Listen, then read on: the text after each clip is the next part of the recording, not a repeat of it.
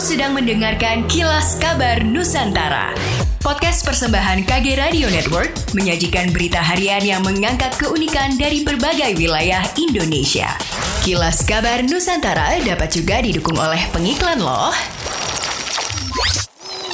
Wakil Gubernur DKI Jakarta Ahmad Riza Patria optimis merebaknya varian Omikron gak akan mengganggu salah satu kegiatan G20 di Jakarta. Riza yakin Pemprov DKI masih dapat mengatasi varian Omikron di tengah kegiatan G20. Meski menurut sejumlah pakar puncak dari Omikron akan terjadi pada Februari nanti. Selain itu Riza juga menegaskan bahwa rangkaian kegiatan acara G20 tidak akan terkendala bencana banjir yang harus diwaspadai karena curah hujan tinggi hingga Februari mendatang. Sebelumnya Kementerian Keuangan membatalkan salah satu acara rangkaian kegiatan G20 G20 jalur keuangan atau Finance Track di Bali yang semula dijadwalkan pada 15 hingga 18 Februari di Nusa Dua. Hal ini dipengaruhi oleh varian Omikron yang berkembang pesat di tanah air. Dalam surat yang ditandatangani oleh Sekretaris Satu Panitia Pelaksana Pertemuan G20 bidang logistik Rudi Rahmadi disebutkan bahwa acara tersebut bakal dipindahkan ke Jakarta. Keputusan tersebut memperhatikan perkembangan COVID-19 di tingkat global dan nasional, terutama dari varian Omikron yang tingkat penyebarannya sangat tinggi. Panitia penyelenggara juga mempertimbangkan mempertimbangkan hasil survei kehadiran in person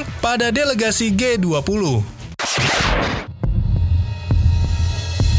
Rasain nih panasnya rokok gue. Mm.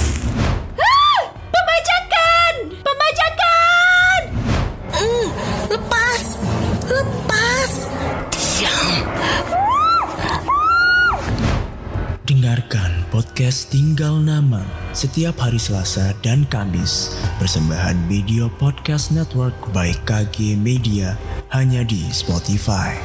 Saat semuanya sudah terlambat.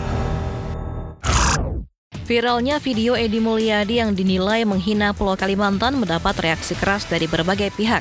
Apalagi hal tersebut dilontarkan ketika menyikapi pemindahan ibu kota negara dari DKI Jakarta ke Kalimantan Timur. Salah satunya yang disampaikan Ketua DPRD Kalimantan Selatan Supian Haka yang mendesak Edi segera meminta maaf secara terbuka di media, khususnya kepada masyarakat di Pulau Kalimantan.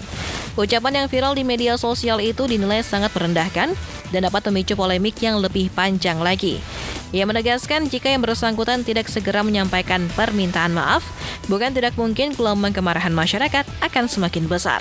Pemerintah Kota Makassar mengaku belum mau melakukan pengetatan di perbatasan atau pintu masuk Makassar untuk mencegah penularan COVID-19 jenis Omikron. Varian baru itu sebelumnya terdeteksi di Kabupaten Takalar, Sulawesi Selatan. Wali Kota Makassar Dani Pemanto saat dimintai tanggapan lebih memilih mendorong percepatan vaksinasi. Targetnya bisa mencapai 100% dalam waktu dekat. Selain itu, disiplin menerapkan protokol kesehatan prokes 5M, yakni memakai masker, mencuci tangan, menjaga jarak, membatasi mobilitas, dan menjauhi kerumunan, termasuk memaksimalkan tindakan 3T yaitu testing, tracing, dan treatment. Salah satu caranya memanfaatkan fungsi kontainer Makassar Recover di tiap kelurahan. Dani mencurigai penularan sudah ada di rumah warga, namun belum terdeteksi lantaran gejala ringan dan terkesan disepelekan. Wali Kota Dani Pemanto menyebut penularan COVID-19 di Makassar sejauh ini masih relatif terkendali, berkisar di bawah tiga kasus per hari. Demikianlah kilas kabar Nusantara malam ini.